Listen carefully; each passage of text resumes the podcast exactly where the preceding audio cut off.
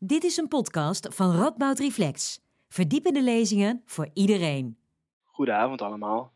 Van harte welkom bij dit programma over uh, Tocqueville en de moderne democratie. Uh, dit programma is een samenwerking van Radboud Reflex met het Radboud Tocqueville project aan onze universiteit. mijn naam is Gaat Kets. Ik werk als politicoloog aan de Radboud Universiteit en vanavond zal ik de gespreksleider zijn. Um, wat zou de Franse filosoof Alexis de Tocqueville um, eigenlijk vinden van de moderne Nederlandse democratie? Um, de politieke participatie daalt al jaren. Het vertrouwen in de politiek uh, lijkt af te nemen. Uh, en volgens de Tocqueville kon een democratie niet functioneren zonder sociale geleidheid en actief burgerschap. Uh, ontbreekt dit soort democratische bezieling in ons land? En kunnen Tocqueville en zijn ideeën uh, misschien helpen om de, onze democratische samenleving nieuw leven in te blazen? Over dit soort vragen gaan we vanavond in gesprek met uh, staatkundigen Sophie van Bijsterveld van de Radboud Universiteit en Hans-Martien ten Napel van de Universiteit in Leiden. En samen stelden zij voor het Radboud Tocqueville project de bundel nieuwe politieke formule uh, samen. En hierin verkennen zij de nieuwe ideeën, uh, nieuwe ideeën op basis van de Tocqueville, of geïnspireerd op de Tocqueville, voor, uh, um, uh, voor onze Nederlandse staat en onze samenleving, onze democratische samenleving. De avond ziet er als volgt uit. Sophie zal dadelijk beginnen met een korte introductie op het leven en het werk van de Tocqueville. En Hans Martien zal daarna gaan reflecteren op de betekenis um, van de ideeën van Tocqueville voor de moderne, laten we zeggen, Nederlandse democratie. Uh, en na deze twee uh, inleidende besprekingen zal ik met ze in gesprek gaan over, uh, over deze thema's. Ik heb nu een aantal keer het woord we gebruikt. geheel in lijn, denk ik, met, met het gedachtegoed van, van de Tocqueville. nodigen we u van harte uit om ook te participeren in dit gesprek. Um, dit doen wij vanavond door, um, doen we online. Dus u kunt via menti.com als het goed is, komt het in beeld, ja. Uh, kunt u een vraag stellen. U kunt dan inloggen met de code 2676745. 2676745. Um, u kunt dan uw vragen stellen. Ik heb zelfs al een vraag binnen, zag ik net. Um, in mijn gesprek met uh, Sophie en Hans Martien zal ik proberen deze vragen mee te nemen. Ik kan u alvast vertellen dat ik ze niet allemaal kan uh, behandelen. En zeker niet beantwoorden. Hopelijk kunnen Sophie en Hans Martien dat wel. Um, er komen vaak ontzettend veel vragen binnen, dus ik zal een selectie maken. Ik zal ze proberen te bundelen. En, en op die manier gaan we samen in gesprek over de betekenis van Tocqueville voor onze moderne democratie. U zult dus ook af en toe zien dat ik aan het scrollen ben in beeld. Dat is niet omdat ik niet geïnteresseerd ben en ondertussen aan het werk ben aan mijn, aan Twitter feed of aan mijn Facebook. Dat is omdat ik dan uw vragen aan het doornemen ben. Um, ik hoop dat u me daarvoor kunt excuseren.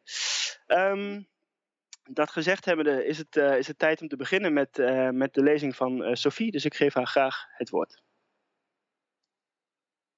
Dankjewel, Gaart. Er zijn goede redenen om het werk van Alexis de Tocqueville te lezen. Van zijn werk zijn voortreffelijke Nederlandse vertalingen verschenen. En daarin spoort hij ons aan om met een frisse blik naar onze democratie te kijken. Met zijn rake observaties en scherpe analyses van de situatie in Amerika komt hij tot de kern van de moderne democratie. Tocqueville schreef: Ik moet bekennen dat ik in Amerika meer heb gezocht dan enkel Amerika. Ik ben er op zoek gegaan naar een beeld van de democratie zelf. Haar aard, haar karakter, haar vooroordelen en haar hartstochten. Het is ook niet voor niets dat zijn boek het beste boek over democratie ooit is genoemd. Tocqueville heeft een kleine 200 jaar geleden voorspellingen gedaan over de toekomst van democratische samenlevingen. En die zijn ook uitgekomen. Zo voorspelde hij al de wegwerpmaatschappij. Want hij zag dat een democratie samenging met innovatie en economische dynamiek. Ook voorzag hij dat terwijl het oude Europa zich nog het centrum van de wereld waande, aan weerszijden politieke supermachten tot ontwikkeling kwamen, met radicaal tegenovergestelde wereldbeelden. En daarmee zinspeelde hij al op de komst van een koude oorlog. Tocqueville verklaart ook waarom mensen in een democratische samenleving zich het lot van een ander aantrekken. Hetzelfde kan hen ook overkomen. En ook doorzag hij de kracht van de publieke opinie. Maar belangrijker dan de vele voorspellingen zelf is de reden waarom hij tot die voorspellingen kon komen. En die ligt in de manier waarop Tocqueville tegen de democratie aankeek. Vanzelfsprekend was hij geïnteresseerd in de staatsrechtelijke kant van de democratie. De instellingen, de werkwijze, de procedures. Maar het is vooral zijn benadering van de democratie die uniek is. Hij zag democratie vooral als een vorm van samenleven, als een, als een cultuur. En zijn kracht ligt in de analyse van de wisselwerking tussen democratie en cultuur. Hij redeneert dus niet vanuit een abstract schema, maar hij zoekt steeds zijn basis in de sociale werkelijkheid. Om zijn fascinatie voor de democratie en ook zijn benadering te begrijpen, moeten we ook op de achtergrond van Tocqueville ingaan. Tocqueville leefde van 1805 tot 1859. Hij is maar 53 jaar oud geworden. Hij stamde uit een oude adellijke Normandische familie die niet ongeschonden uit de Franse Revolutie tevoorschijn was gekomen. We zien zo dadelijk het kasteel in beeld. Verscheidene familieleden van hem waren onder de guillotine geëindigd. En zijn familie en zijn hele sociale omgeving verafschuwden de revolutie en de nasleep ervan die in de terreur ontaarde. Zij wilden niets liever dan terug naar het oude ancien regime. Maar Tocqueville niet. De inzet voor herstel van de oude verhoudingen zag hij als een achterhoedegevecht. En hij was ervan overtuigd dat de democratie er was om te blijven. Hij zag dat er al eeuwenlang een ontwikkeling gaande was naar grotere maatschappelijke gelijkheid. En de Franse Revolutie had die ontwikkeling slechts in een stroomversnelling geplaatst. En die ontwikkeling naar meer gelijkheid was onomkeerbaar. Als aristocraat zag hij dat gelijkheid alles verandert. Van de manier waarop een mens zichzelf ervaart, naar de manier waarop hij tegen anderen aankijkt en ook de manier waarop hij zich gedraagt. En van die verandering was democratie staatkundig het onvermijdelijke gevolg. En dat had ook radicale gevolgen. De legitimatie van de staat, ook wezen van het overheidsgezag en ook de positie van de kerk stonden daarmee op hun kop. En dat alles wilde hij doordenken. In de visie van Tocqueville was democratie dus onvermijdelijk. Maar een democratie is niet per definitie goed. Hij zag dat gelijkheid niet alleen een voorwaarde was voor democratie, maar ook een bedreiging daarvoor. En drie bedreigingen heeft hij ook expliciet benoemd. De eerste is de tirannie van de meerderheid waar de macht van het getal heilig is en ook de meningsvorming en de besluitvorming volledig legitimeert. De tweede is wat hij noemde democratisch despotisme, waar de staat niet veel meer is dan een gecentraliseerde machtsmachinerie, zij het met een democratisch stempeltje. De derde is wat hij noemde mild despotisme. Dat is een situatie waarin de overheid met de beste bedoelingen de burger de zorg voor zijn welzijn uit handen neemt en er eigenlijk alleen maar een kudde met makke schapen overblijft. De term nudgen zou door Tocqueville uitgevonden kunnen zijn. Dus er liggen gevaren op de loer. Ware democratie voor Tocqueville was een democratie gericht op vrijheid. En zijn zoektocht was naar krachten die daaraan konden bijdragen. En drie daarvan springen eruit. Allereerst was dat het christelijk geloof, zoals hij dat in Amerika tegenkwam. Hij zag wel dat de religie zich niet rechtstreeks met het bestuur van de samenleving bemoeide, maar toch noemde hij religie de eerste van de politieke instellingen. Want, zo schreef hij, al zou zij niet de smaak van vrijheid geven, dan zou ze in ieder geval de mensen de uitoefening van de vrijheid heel erg makkelijk maken. Lokale democratie en ook decentraal bestuur was een tweede cruciale factor om risico's op ontsporing te vermijden. De townships van New England, waarvan we zo één in beeld zien, die stonden daarvoor model. En ten derde achtte hij een goed geïnformeerde burgerij van wezensbelang. Zelfs in het Wilde Westen kwam hij een pionier tegen in een blokhut met een krant en de Bijbel op tafel.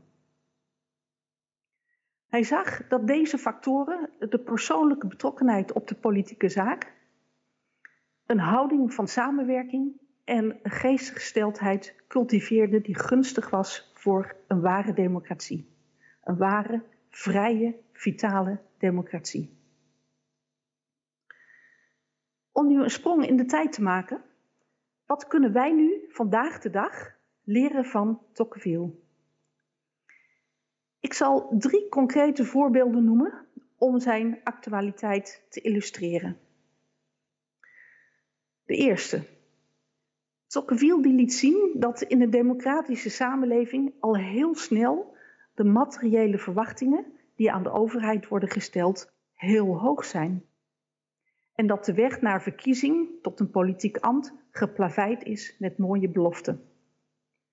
En dat, vertaald naar de Nederlandse situatie, maakt het intrinsiek lastig om een dualistische verhouding tussen regering en parlement hoog te houden. En ook al wordt er tegenwoordig regelmatig gepleit voor meer dualisme, monisme is vooral de realiteit. Een tweede illustratie. Tocqueville liet zien dat de aandacht voor het alsmaar produceren van nieuwe wetgeving inherent is aan een democratische samenleving. Maar ook dat de uitvoering daarvan al heel snel het kind van de rekening wordt. De toeslagaffaire, toeslagenaffaire, die past daarmee dus ook naadloos in dit beeld. Een derde illustratie. Kwesties als waarden en normen en burgerschap staan al decennia lang hoog op de lijst van zorgen van Nederlandse burgers. En Tocqueville laat ons zien dat het antwoord op die zorgen niet van de overheid zelf kan komen. Maar wij lijken dat vaak te verwachten.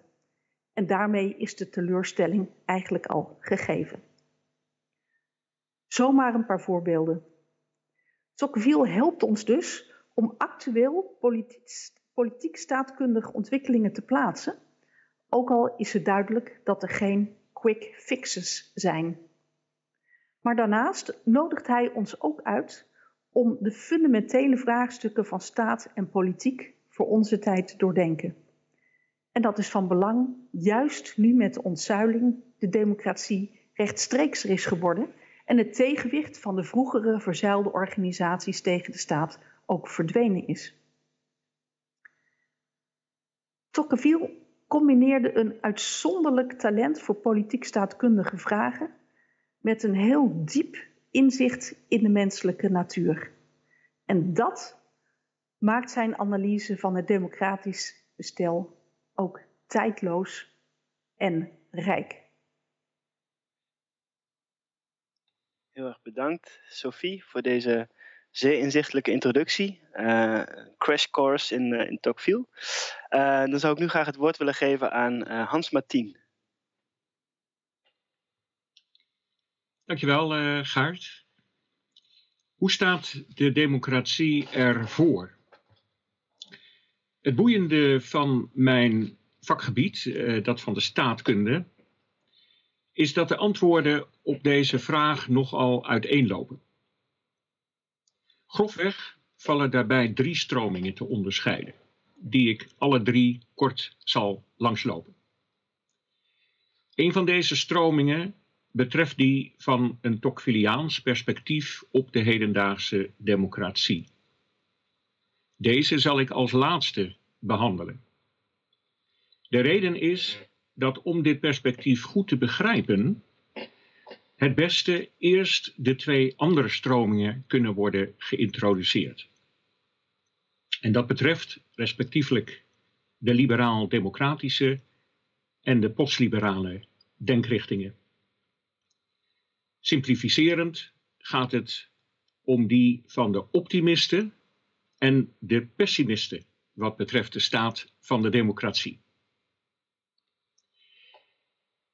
Dat de antwoorden op de vraag hoe het gesteld is met de democratie uiteenlopen, betekent niet dat de drie onderscheiden stromingen even sterk vertegenwoordigd zijn. Integendeel, de liberaal-democratische stroming heeft momenteel duidelijk de overhand. Tot op zekere hoogte is zelfs sprake in Nederland van een liberaal-democratische consensus. Dat lijkt een beetje in tegenspraak met mijn eerste punt, maar de consensus komt wel geleidelijk meer onder druk te staan. Liberaal-democraten zijn als regel optimisten, omdat zij geloven in vooruitgang. En dat geldt dan ook voor de staatsinrichting. Tal van veranderingen die daarin in de naoorlogse periode zijn opgetreden, waarderen zij positief. Neem bijvoorbeeld de gegroeide rol van de staat in het maatschappelijke leven. Of de internationalisering. Liberaal-democraten houden er in de regel een optimistisch mensbeeld op na, dat hen minder benucht maakt voor machtsmisbruik. Zelfs een grote machtsongelijkheid tussen overheid en burger vormt niet per definitie een bron van zorg. Een organisatie als de Europese Unie vormt op zichzelf reeds een stap vooruit. En kan ook eigenlijk alleen maar bijdragen aan verdere vooruitgang binnen haar lidstaten. Een concreet instrument dat daarvoor kan worden gebruikt is dat van de mensenrechten. Van afweerrecht tegen de overheid zijn deze geworden tot middel om met behulp van de staat vooruitstrevende beleidsdoelen te verwezenlijken. Schaduwzijde zien liberaal-democraten hierbij nauwelijks. Dat de machtenscheiding uit het lood schiet, doordat zowel de uitvoerende als de rechterlijke macht als gevolg van bovenstaande veranderingen sterker worden, is iets dat zij op de koop toenemen.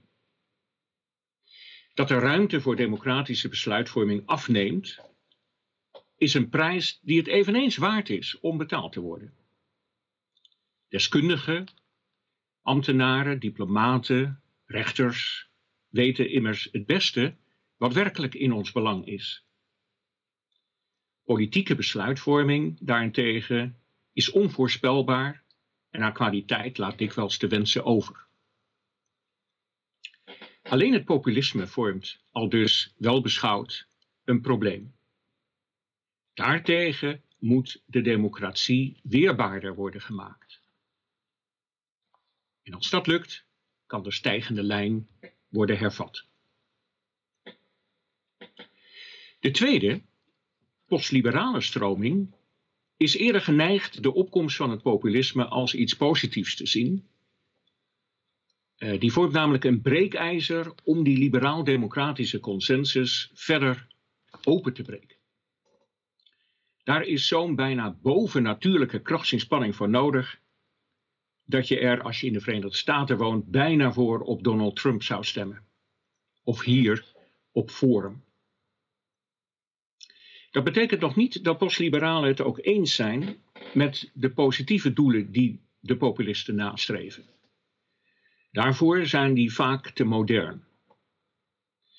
Populisten kunnen een Tocqueviliaanse reserve jegens de liberale democratie soms combineren met voorstellen die de democratie alleen nog maar ruime baan zouden geven. Postliberalen daarentegen wijzen de democratie misschien niet per se af, maar zijn wel pessimistisch wegens het toenemende liberale karakter daarvan. Dat vereist enige toelichting. Want liberal in liberal democracy verwijst doorgaans naar de rechtsstatelijke pijler van de westerse staatsinrichting. Postliberalen zijn echter ook niet tegen de rechtsstaat als zodanig. Liberalisme in dit verband is dus eigenlijk de sterkere ideologische lading die de liberale democratie vooral sinds de jaren 60 van de vorige eeuw heeft gekregen. En die ideologische component ervan komt onder meer tot uitdrukking in de nadruk op individuele autonomie. Postliberalen verschillen onderling behoorlijk. Toch vinden zij elkaar in hun idee dat dit een vertekening van de werkelijkheid oplevert, die nadruk op individuele autonomie. Terugkijkend menen zij dat de oorsprong van het falen van de moderne democratie eigenlijk reeds valt te herleiden tot die oorspronkelijke vermenging met liberalisme. Die is niet vanzelfsprekend, net zo min als de vermenging van liberalisme en rechtsstaat onvermijdelijk is. Zowel democratie als constitutionalisme gaan historisch vooraf aan de opkomst van het liberalisme. En de vermenging van beide met dat liberalisme is daarmee een voorbeeld van conceptuele overreach, van iets uh, lezen in een bepaald begrip wat er niet per definitie in zit. Bovendien dreigt het liberalisme de wortels door te snijden die de moderne democratie moeten voeden. En al dus bezien faalt de liberale democratie thans, volgens de postliberalen, juist door haar eigen succes, te weten het doorzettende liberalisme. Ten slotte dan het Tocqueviliaanse perspectief. Dit houdt het midden tussen de liberaal-democratische en de postliberale stromingen. Als de liberaal-democraten optimisten zijn en de postliberalen pessimisten wat de staat van de democratie betreft, dan kunnen de aanhangers van een Tocqueviliaans perspectief wellicht het best als realisten worden gekenschetst. Dit realisme uit zich enerzijds in de aanvaarding van de democratie als een onvermijdelijkheid. Zoals, um, en Sophie van Bijsterveld gaf het daarnet al aan, zoals Tocqueville zelf ook al deed in de eerste helft van de 19e eeuw. Anderzijds laten aanhangers van dit Tocqueviliaanse perspectief zich evenmin als Tocqueville meeslepen in een ongeremd optimisme dat de geschiedenis in het algemeen en de staatsrichting in het bijzonder zich alleen maar kenmerken door vooruitgang. Een Tocqueviliaans perspectief maakt het derhalve begrijpelijk waarom het debat over de staat van de democratie is opgekomen. Als immers Tocqueville in zijn tijd al vreesde voor de negatieve kanten die de democratie ook met zich meebracht, dan is er bijna twee eeuwen later niet direct aanleiding om die vrees te laten varen. Een verschil met toen is bijvoorbeeld dat de zeden, die Tocqueville van groot belang achten voor het functioneren van de democratie, veranderd zijn. Voor zover deze zeden niet slechts uit het christendom voortkwamen, maar ook geacht werden met het verstand beredeneerd te kunnen worden, betrof ook dit een uitgesproken realistisch perspectief op mens en samenleving. Toch houden aanhangers van het Tocqueviliaanse perspectief vooral ook hoop. En hoop is anders dan optimisme een deugd. Zij verwachten geen pasklare antwoorden in het werk van Tocqueville aan te treffen op de vragen van nu. Wel menen zij dat er minimaal ideeën aan ontleend kunnen worden voor een revitalisering van de hedendaagse democratie.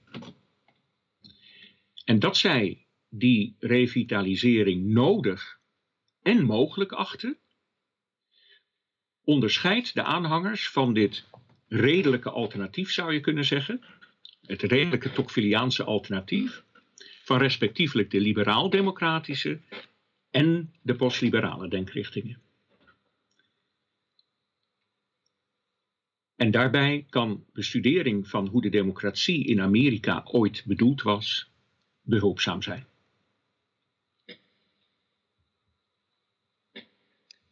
Dankjewel Hans Martien uh, voor deze toch hoopvolle uh, afsluiten. Dat is, uh, dat is, een realistische hoopvolle afsluiten. Dat is heel mooi. Dat is ook een, uh, zeker een, een, basis voor, voor het gesprek dat we, dat we nu gaan voeren. misschien is het goed om de kijkers thuis, u, nog even te wijzen op de mogelijkheid om met ons mee te praten. Ik heb ondertussen, terwijl Sofie en Hans Martien aan het woord waren, al zitten scrollen door jullie vragen. Er komt al veel binnen, dus dat is heel mooi. Um, maar stuur vooral nog vragen in. Dat kan via menti.com uh, en dan zal ik nog even de code bij. Oh, die komt nu ook in beeld. Heel goed. 2676745. Um, voor het gesprek dat we nu gaan voeren had ik, um, had ik heel veel thema's bedacht. Maar in ieder geval drie, denk ik, die we, die we zeker even moeten gaan aanstippen. Het eerste is de rol van, uh, de, van religie in, in de conceptie van democratie van, van Alexis de Tocqueville. Het tweede thema gaat, wat mij betreft, over burgerschap, lokale politiek. Uh, we zagen de townships ook al voorbij komen. Dat lijkt me erg interessant om daar wat, uh, wat nader op in te gaan. En het uh, derde thema dat ik graag zou willen aanstippen en waar ik ook al een aantal vragen over voorbij zag komen, is het thema van de moderne democratie en, populisme. En dat sluit denk ik goed aan bij, wat we net van Hans Martien hebben gehoord. Um, en ik wil het eigenlijk ook in die volgorde gaan doen. En dus laten we beginnen met het onderwerp van, um, uh, van de rol van religie in het denken van de Tocqueville. Um, en ik zou eigenlijk als eerste aan Sophie willen vragen, omdat het goed aansluit denk ik bij, bij jouw verhaal. Um, wat is nou eigenlijk de reden dat religie voor Tocqueville zo'n uh, zo'n belangrijke pijler was voor de democratie? Of zo'n belangrijke invulling van, van de democratische uh, ziel of geest? en, en misschien als, meteen als vervolgvraag erop, wat is dan, wat maakt het christendom zo specifiek?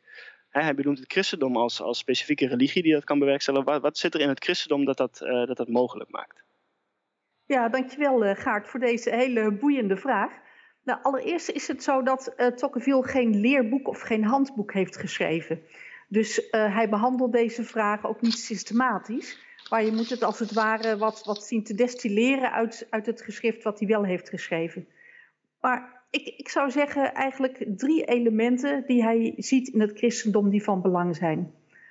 Allereerst uh, ziet hij de betekenis van het christendom op het, op het morele vlak, op het ethische vlak, op het vlak van de waarden en normen. En daar moet ik meteen even iets bij zeggen om misverstanden te voorkomen. Het gaat dus niet om morele opvattingen in de zin van specifieke standpunten over specifieke onderwerpen. Daar denken wij nu tegenwoordig vaak aan. Maar het gaat om een idee bijvoorbeeld van gezonde zelfbeperking die je aan de dag legt. Een soort innerlijke, innerlijke beschaving zou je kunnen zeggen. Of op een soort dieper niveau, hoe kijk je tegen vrijheid aan? Is, is vrijheid alles doen, mogen doen wat niet verboden is bijvoorbeeld? Zoals je soms in overheidsbrochures wel tegenkomt. Of is vrijheid de vrijheid om het goede te doen? Dus waarden en normen, maar dan op een, op een wat dieper, fundamenteler niveau. Ik denk een tweede element is dat Tocqueville steeds benadrukt in zijn boek dat in een democratie de enkeling als het ware machteloos staat tegenover de overheid. De eenling, hè, die wordt gewoon op zichzelf, het individu op zichzelf teruggeworpen. En hij zoekt dan ook samenwerking met anderen om gemeenschappelijke doelen te bereiken. En Tocqueville ziet dat uh, het christendom, christelijk geloof, daarin een soort uh, ja, dynamiserende werking heeft. Het, het spoort mensen ook aan om betrokken te zijn op een ander en ook die gemeenschap te zoeken. En dan zou ik denk ik nog een derde element kunnen, kunnen noemen. Dat Tocqueville ook wel zegt dat het geloof, het sluit zo mooi aan bij wat Hans Martin heeft gezegd, een soort van hoop is. Um, en het christelijke geloof is inderdaad ook een vooruitgangsgeloof. Dat past ook heel goed bij de democratie. In de democratie gelooft men ook in vooruitgang, maar ook hier op een realistische manier. Het christelijk geloof bewaart mensen ervoor om irrealistische utopieën na te jagen. Het is, het is, een, uh, het is een vooruitgangsgeloof, maar men leeft ook met het besef van een ja, onvolmaakte werkelijkheid. Dus ik zou zeggen, dat zijn eigenlijk drie elementen die hij uh, ja, noemt, die uh, de betekenis van het christelijk geloof voor de democratie kunnen samenvatten. Ja, en, en um, nou, je, je, hebt al kort gerefereerd ook aan, aan de betekenis van de Franse revolutie voor zijn denken. Um, in ja. die revolutie hebben ze bijvoorbeeld ook geëxperimenteerd met zoiets als een, als een burgerlijke religie, hè, met, zo'n, met die civil ja. religion die ze hadden. Um, en natuurlijk kennen we ook in onze huidige multiculturele samenleving andere religies. Die, uh, kunnen, kunnen dit soort andere religies, burgerlijke religies of, of andere religies, islam of het jodendom, ook een dergelijke rol vervullen binnen een democratie? Uh, Tocqueville die, die, die observeerde allereerst wat hij in Amerika zag. En, en daar zag hij natuurlijk het christendom. En hij heeft ook wel hele interessante beschouwingen over het verschil tussen protestantisme en het katholicisme en allerlei andere stromingen. Dus uh, hij is niet echt op veel andere wereldreligies ingegaan. Maar hij maakt wel een paar opmerkingen over de islam. En dat is wel grappig. En interessant ook. Uh, hij zegt: het christendom beweegt zich makkelijker in een democratie dan de islam. En hoe komt dat? Omdat het christendom zich, met name het Nieuwe Testament, de evangeliën, zich op een aantal hoofdzaken richten. De verhouding van de mens tot medemens en de verhouding van de mens tot God. Maar in de Koran staan ook veel gedetailleerde voorschriften die het civiele recht en ook het strafrecht omvatten. En Tocqueville zegt, ja, in een democratie zijn dat onderwerpen die voortdurend aan verandering onderhevig zijn. En dat gaat op een gegeven moment toch wat schuren met, met uh, heel gedetailleerd uh, waar alles in detail is voorgeschreven. Uh, hij zegt ook dat, um, dat in de democratie wetgeving voortdurend verandert, omdat zich nieuwe situaties voordoen en er voortschrijdend inzicht is. En, en hij zegt het christendom met, past daar makkelijker bij dan bijvoorbeeld de islam. Maar dat wil natuurlijk niet zeggen dat andere religies of andere bezielingsbronnen niet ook eenzelfde functie kunnen overnemen. Dus ik zou het voor de huidige tijd niet exclusief tot het christendom willen beperken. Maar het is wel zo dat het christendom van nature al veel mee heeft. Oké, okay, heel duidelijk, dankjewel. Um, misschien, ik zou, ik zou nog heel even met jou willen doorgaan over dit thema. Je, je noemde ook iets over, um, uh, over de rol van, van zuilen, of verzuiling of verzuildheid in, in Nederland bijvoorbeeld, ja. hè, als een soort van um, checks ja. and balances. Zou je daar iets meer over kunnen zeggen? En zou je dan ja. misschien ook um, iets kunnen zeggen over, over de ontzuiling die we, die we uh, natuurlijk hebben, hebben gezien in Nederland, of dat, hè, dat, dat, is dat deels dan weggevallen? Die, zijn die checks and balances weg? en zou je daar vanuit Tocqueville een soort van analyse over kunnen geven? Ja, nou ja, voor Tocqueville was natuurlijk het Nederlandse verschijnsel uh, verzuiling vreemd. Maar je zag wel dat Tocqueville voortdurend beducht was tegen het, uh, de almacht van de staat. Steeds maar meer taken, hè, de uitdijende staat en steeds meer centralisatie van de staat. En ik denk dat in de tijd van de verzuiling, de grote verzuilde organisaties, in ieder geval een tegenwicht boden tegen de staat. En uh, dat werd ook, uh, ik zou maar zeggen, in termen van leerstellingen wel onderbouwd. Denk aan het protestantse soevereiniteit in eigen kring bijvoorbeeld. En de staat mag een aantal zaken doen, maar moet zich niet met datgene wat in specifieke kringen gebeurt bezighouden. Of het katholieke principe van subsidiariteit, wat op een lager niveau gedaan kan worden, moet niet al op het hoogste niveau gedaan worden. En natuurlijk zijn die ideeën er nog steeds wel, maar het ontbreekt nu aan, denk ik, aan uh, geloofwaardige maatschappelijke organisaties die ook in zekere zin democratisch gelegitimeerd waren, hè, maatschappelijk gelegitimeerd waren. Dat hebben de one-issue-organisaties uh, van nu natuurlijk niet. Dus die vormden daar zeker een tegenwicht tegen. En tegelijkertijd uh, was het natuurlijk ook zo dat zij een soort geestelijke oriëntatie boden die de club bij elkaar hield. En um, ja, die verzuiling is voorbij. Voor velen was het ook wel een bevrijding. We gaan er ook niet naar terug. Maar uh, het is natuurlijk wel zaak om te zoeken wat, wat alternatieven zouden kunnen zijn. En die zijn zo 1, 2, 3 nog niet gevonden. En, en, en, en Tocqueville in zekere zin zocht ook voor wat zijn nou checks en balances die kun je gebruiken als de adel wegvalt als stand die voor checks en balances zorgde. of de middeleeuwse corporaties. Overal om, om die staat maar niet machtig, oppermachtig te maken ik denk dat we straks, als we het gaan hebben over burgerschap, lokale politiek, gaan we nog terugkomen op, dit, op deze notie van, van het maatschappelijk middenveld en op, op het belang van dit soort checks en balances. Ehm, ik wil toch nog even proberen om het, om het bij het religieuze thema inderdaad ook te houden. Ik krijg ook een vraag binnen over, uh, over de VS en de, de rol van de founding fathers, die, uh, die uh, de VS vooral hebben geprobeerd als een, in de vraag wordt, wordt genoemd, een a-religieus project te stichten. Hans Patien, zou je daar wat over kunnen zeggen? Ehm, uh, over deze, deze, uh, het begin van de staatsinrichting van de VS en de rol die dat uh, speelde in het denken van Tocqueville? ja, zeker. En ik zou het liefst eigenlijk aan de vragensteller dan eerst willen vragen um, om een toelichting op dat de Verenigde Staten als een a-religieus project begonnen zouden zijn. Um, want um, een van de dingen waar ik juist door gefascineerd uh, ben geraakt de laatste tijd is um, dat uh, die founding fathers inderdaad uh, aan de ene kant naar een moderne vorm van staatsinrichting wilden toewerken met allerlei vernieuwingen, zoals de scheiding van kerk en staat. En misschien dat de vragensteller ook daar wel op doelt. Um, maar aan de andere kant uh, er toch min of meer uh, van uitgingen dat er um, uh, als een soort kader om al die vernieuwingen en moderniseringen heen een soort natuurrechtelijk besef zou blijven heersen onder de bevolking. En dat moet ik denk ik even uitleggen, want de term natuurrecht is niet heel erg uh, bekend meer. En, um, en voor zover uh, mensen uh, er nog wel ideeën bij hebben, zijn dat eigenlijk hele grote schrikbeelden. Um, maar um, ik, ik zie het juist als een element van continuïteit eigenlijk met de, de traditie, met een hoofdletter.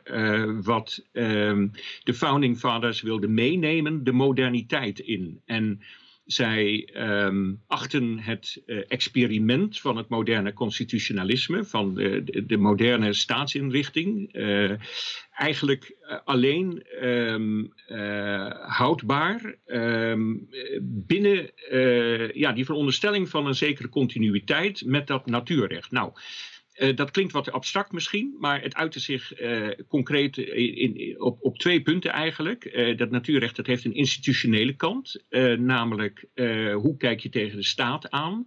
Nou, um, in, in het natuurrecht, in de, in de traditie, um, die begint bij Plato, Aristoteles en, en doorloopt via het christendom um, door de eeuwen heen eigenlijk um, heeft uh, altijd eigenlijk een, een wat uh, sombere mensvisie uh, geheerst. wat wilde zeggen dat, um, dat de Founding Fathers, voor zover ze daarbij aansluiten, ook um, wilden voorkomen dat er te veel machtsconcentratie zou gaan plaatsvinden bij de staat. Um, of bij staatsmachten. en dus een heel scherp oog hadden voor um, uh, het belang van beperkt bestuur, limited government. En um, uh, machtenscheiding, checks and balances, zodat de verschillende staatsmachten elkaar in evenwicht konden houden. Dat is één dimensie. En de andere dimensie van het natuurrecht is, is een wat meer morele. Dat, dan gaat het om de zeden, zeg maar. Waar, waar ik in mijn inleiding al even op doelde. maar ja, dat waren, zou ik zeggen, ook niet exclusief christelijke opvattingen. Dat was meer een, een, een visie op de mens en op de samenleving uh, en hoe die het beste tot bloei gebracht kunnen worden, uh, die je ook met de reden uh, kunt en kon beredeneren. Um, um, en die bijvoorbeeld ook gedeeld kan worden door aanhangers van de islam of het, uh, het jodendom. Dus het, het was eigenlijk ik zou dus niet zeggen met de vragensteller een a-religieus uh, project.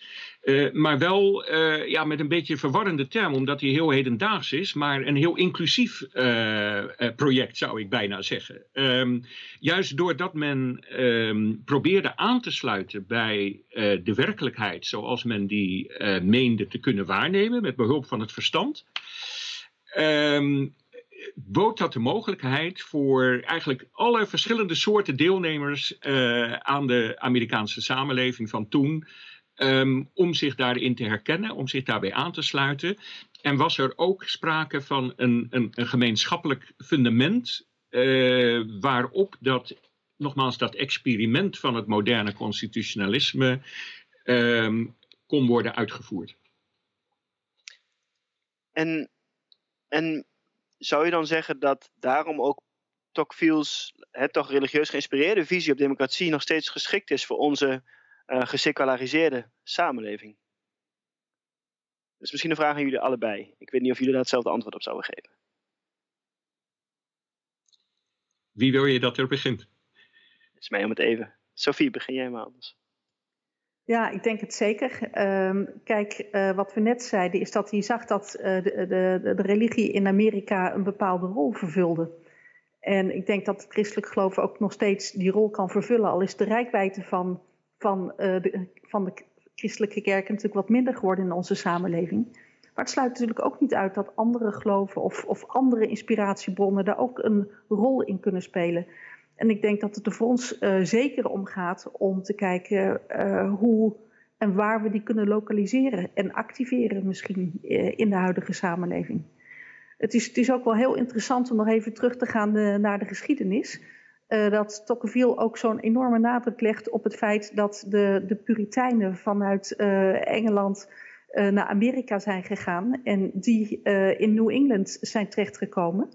En wat hij daarvan zegt is dat het idee van vrijheid, ook het idee van godsdienstvrijheid, maar ook het idee van staatkundige vrijheid, op een gegeven moment zich zo vermengde met het idee van de vrijheid die ze ervaarden in hun religie, dat uh, religie en patriotisme gewoon heel erg samengingen.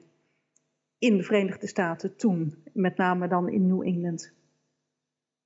Dus vandaar dat ik inderdaad ook wel wel uh, even moest denken toen ik dat a-religieuze project hoorde.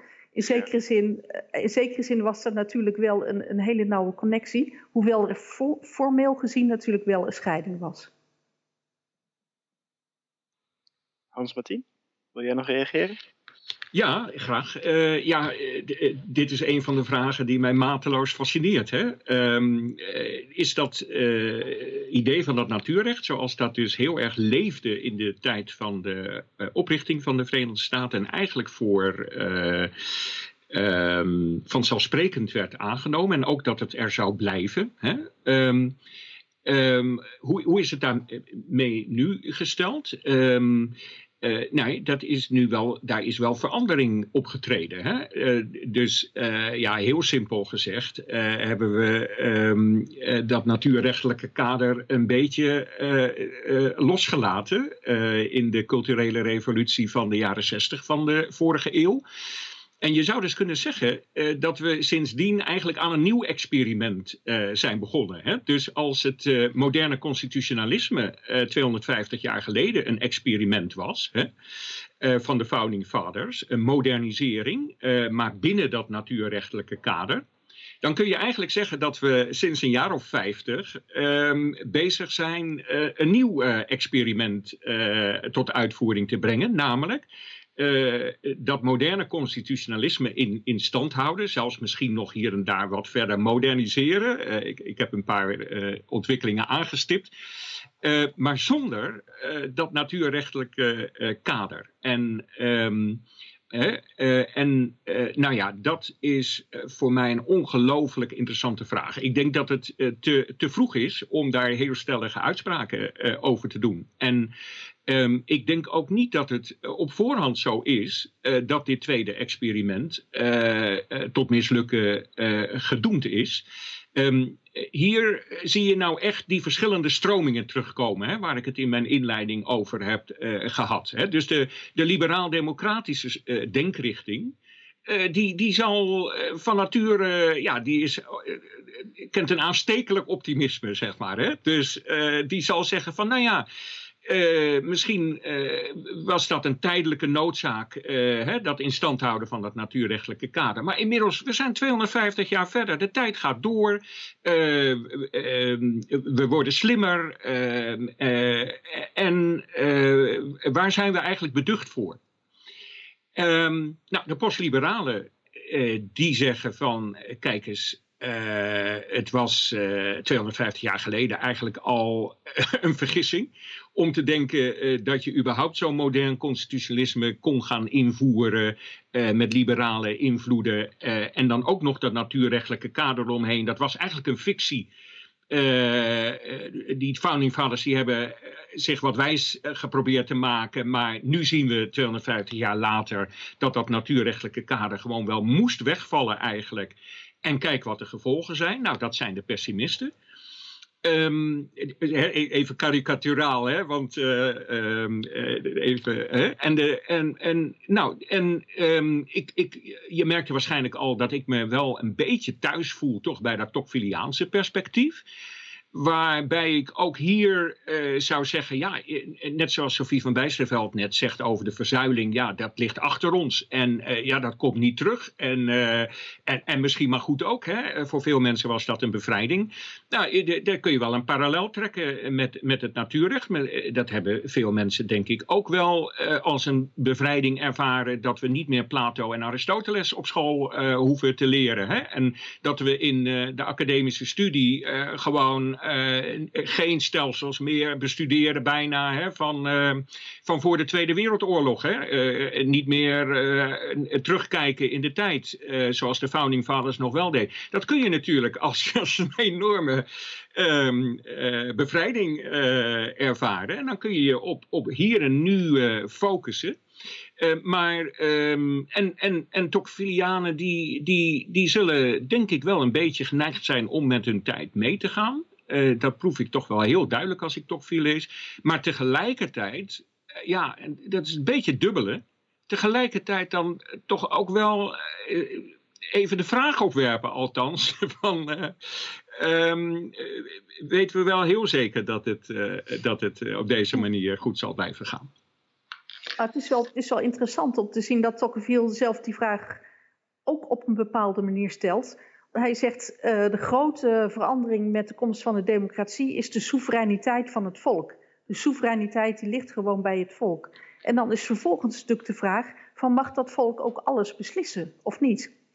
En Tocqueville die geeft op een gegeven moment aan van ja, er is wel een grens uh, wat er kan. En dat is een grens, nou ja, dan noemt hij beginselen van rechtvaardigheid en, en, en, en vergelijkbare beginselen die op mij inderdaad natuurrechtelijk overkomen. En dan worstelt hij een beetje met de vraag van hoe zit dat dan met die soevereiniteit van het volk? En dan zegt hij ja, dat is ook soevereiniteit van het volk, maar niet de soevereiniteit van die politieke gemeenschap, maar de soevereiniteit van de hele mensheid, die uh, als het ware beslist heeft dat dit principes zijn die boven de wetgeving uitgaan. En daarnaast zegt hij, ach, zover zal het voorlopig wel ook niet komen of niet hoeven te komen, want ook de wetgever in een bepaalde staat, in de Verenigde Staten, die is wijs genoeg. Universele reden, hè, die Hans Martin net ook noemde.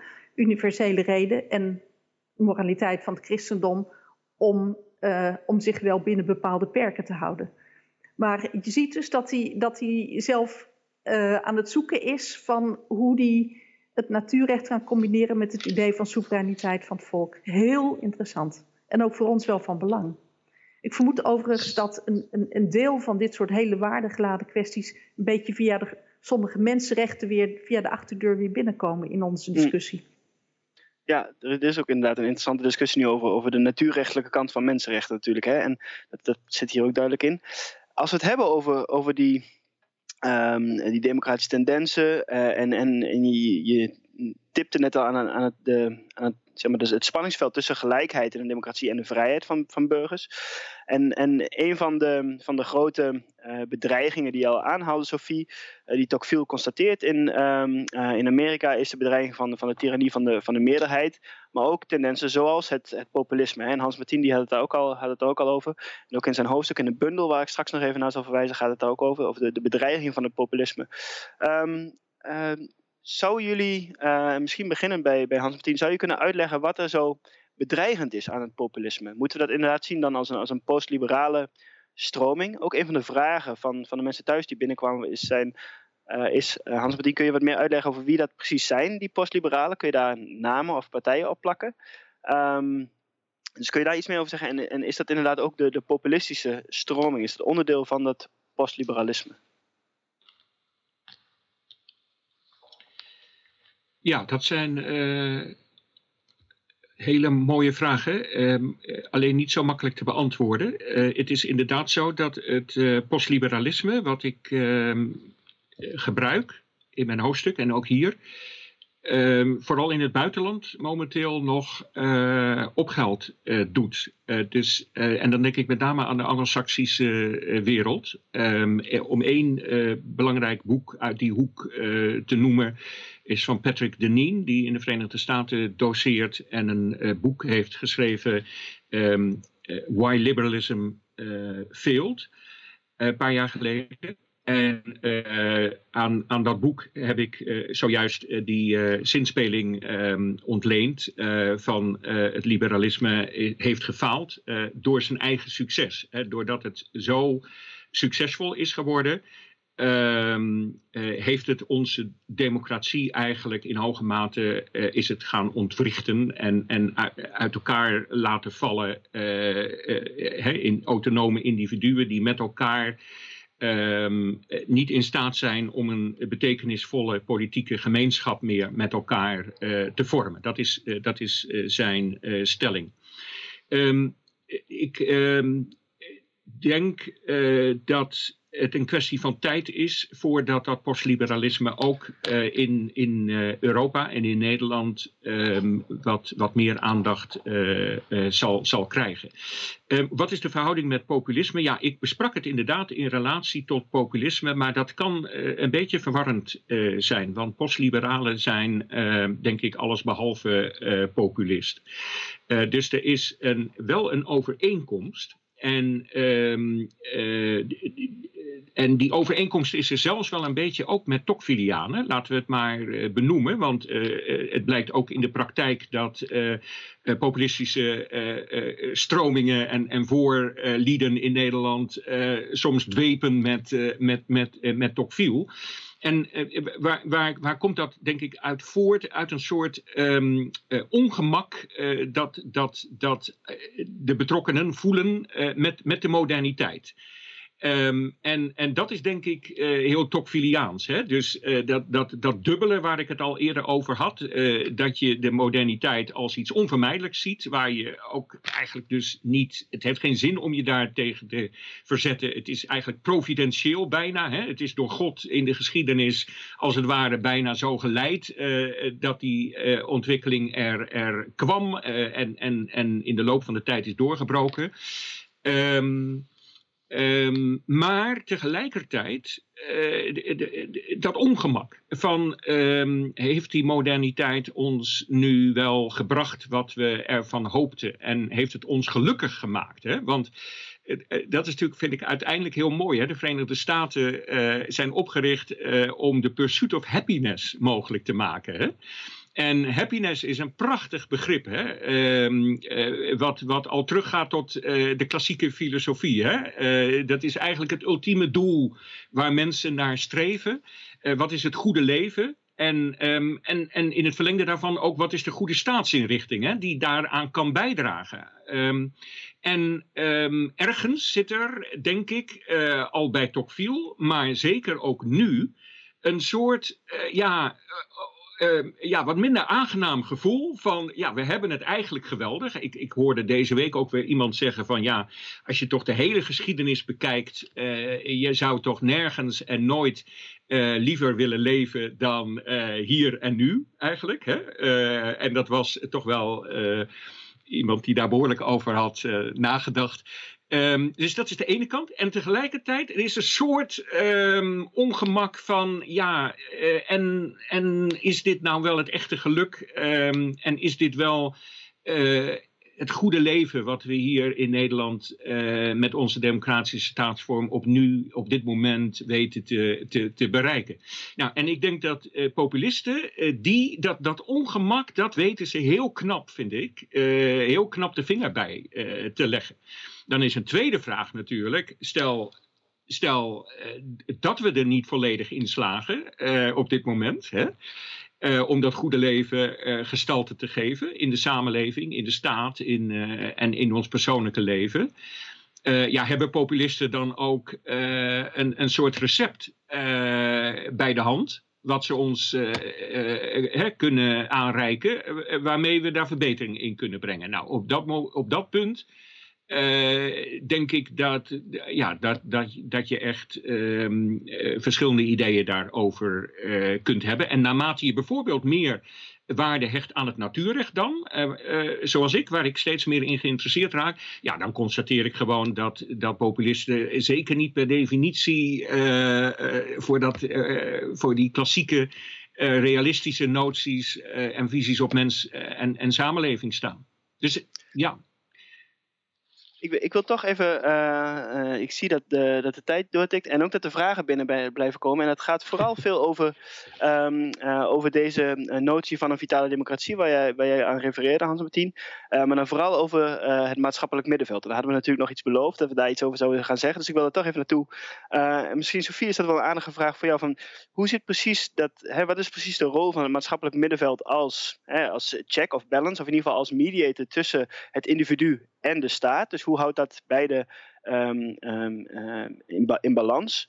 En een van de vragen die binnenkwam, die is ook wel interessant, is hoe ziet Tocqueville de rol van het bedrijfsleven daarin? Dat is natuurlijk een, specifieke sector in dat maatschappelijk middenveld, waarvan we nu zien dat grote bedrijven ontzettend veel invloed uh, hebben op het democratisch functioneren, die invloed kunnen, kunnen kopen als het ware. Hoe zou Tocqueville daar tegenaan kijken? Heeft hij daar iets over, over gezegd of gedacht? Nou, in die tijd, uh, bij mijn weten niet echt wat over, uh, over gezegd. In die tijd had je natuurlijk ook niet uh, de grote multinationals. Maar wat je, wat je wel ziet, is dat hij um, ja, gewoon gefascineerd was door de economische dynamiek die er was. En hij zegt ook, ja, Amerikanen zijn geen specialisten. Ze pakken aan wat ze, wat ze kunnen doen. En ze hebben ook lef. En daardoor kunnen ze ook veel onder kostprijs uh, produceren. En daardoor uh, komt er ook zoveel uh, tot stand. Dus um, dat heeft u daar wel over gezegd. Maar even terug misschien nog naar het vertrouwen in, in de democratie. Tocqueville die, die zegt voortdurend um, hoe belangrijk het is dat mensen ook zelf ervaring hebben met de democratie. Dus niet, natuurlijk, ze moeten het uit een schoolboekje leren, maar ze moeten er ook ervaring mee opdoen. En vandaar dat hij ook die lokale democratie zo ontzettend belangrijk vindt. En uh, hij wijst er ook voortdurend op dat er op lokaal niveau heel veel functionarissen zijn. En dat er ook heel vaak verkiezingen zijn. Dus met andere woorden, iedereen komt wel een keertje aan de beurt, vroeger of later. En uh, ook als stemmer en heel erg betrokkenen bij de democratie zie je gewoon dat, dat, dat, dat politiek uh, weerbarstig is. Hij wijst ook op het enorme belang wat hij ziet in, in juryrechtspraak.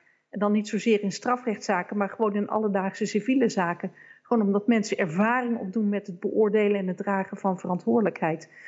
En um, ja, wat je nu ziet, is dat dat natuurlijk voor een groot gedeelte uh, niet meer zo in, uh, althans in Nederland het geval was. Daar hadden we natuurlijk wel enorm, maar nu niet zoveel meer. Dus dat gevoel van ownership van democratie, ja, dat, dat is voor een groot gedeelte weg. Ik, ik denk dat daar ook wat onvrede in uitkomt. Hè? Men heeft het gevoel dat er geen grip meer is op de democratie. En zoals Hans Martin ook vertelde, een groot aantal onderwerpen zijn aan het domein van de democratie ontrokken, omdat ze bijvoorbeeld op EU-niveau zijn belegd of omdat ze verpakt zitten in mensenrechten of op een andere manier. Hè. Dus en geen grip hebben op de democratische besluitvorming en het gevoel dat te veel ontrokken is aan, aan de mogelijkheid van besluitvorming. Dat dat ook onvrede teweeg brengt.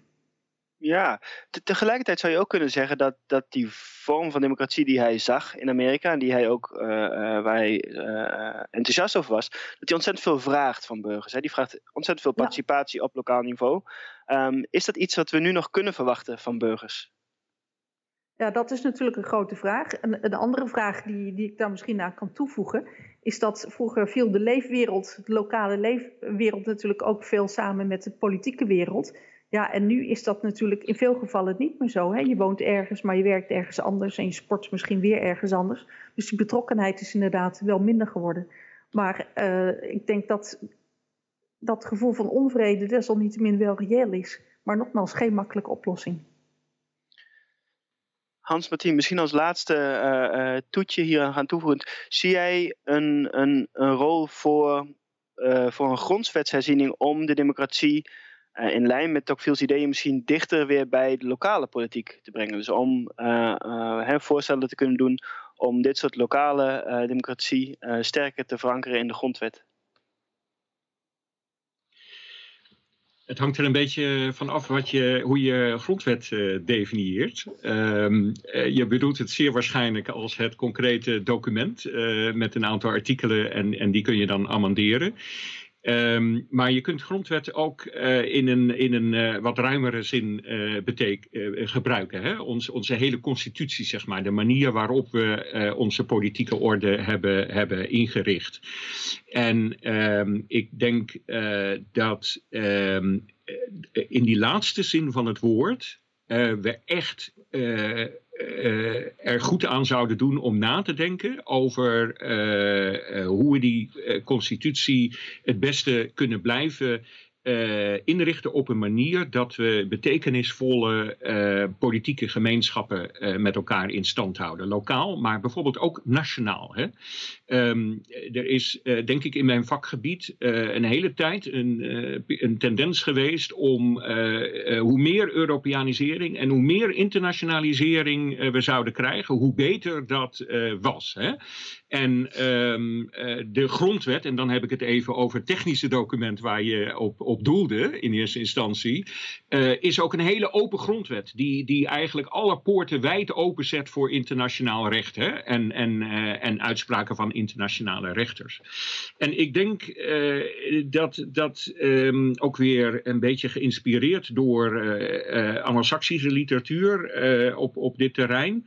Uh, dat we eigenlijk toe zijn aan een herwaardering van uh, onze uh, nationale politieke gemeenschap. En misschien daarbinnen ook weer van de decentrale politieke gemeenschappen. Maar Nederland is natuurlijk wel wat kleiner dan de Verenigde Staten. Dus ik denk dat hier eigenlijk vooral het besef zou moeten groeien dat we om burgerschap in stand te houden en om mensen inderdaad bereid te vinden om zich voor de Respublica te blijven inzetten, we wel mensen het gevoel moeten geven uh, dat, ze, dat ze deel uitmaken van een reële politieke gemeenschap, die ook uh, dingen uh, kan besluiten Um, en niet uh, um, uh, ja, alleen maar mensen als het ware ministers mag afvaardigen naar verre oorden uh, om daar namens ons in ingewikkelde besprekingen nachtenlang compromissen te sluiten waar, waar, waar we dan weer aan vastzitten. Ik denk dat, dat we toe zijn aan een herwaardering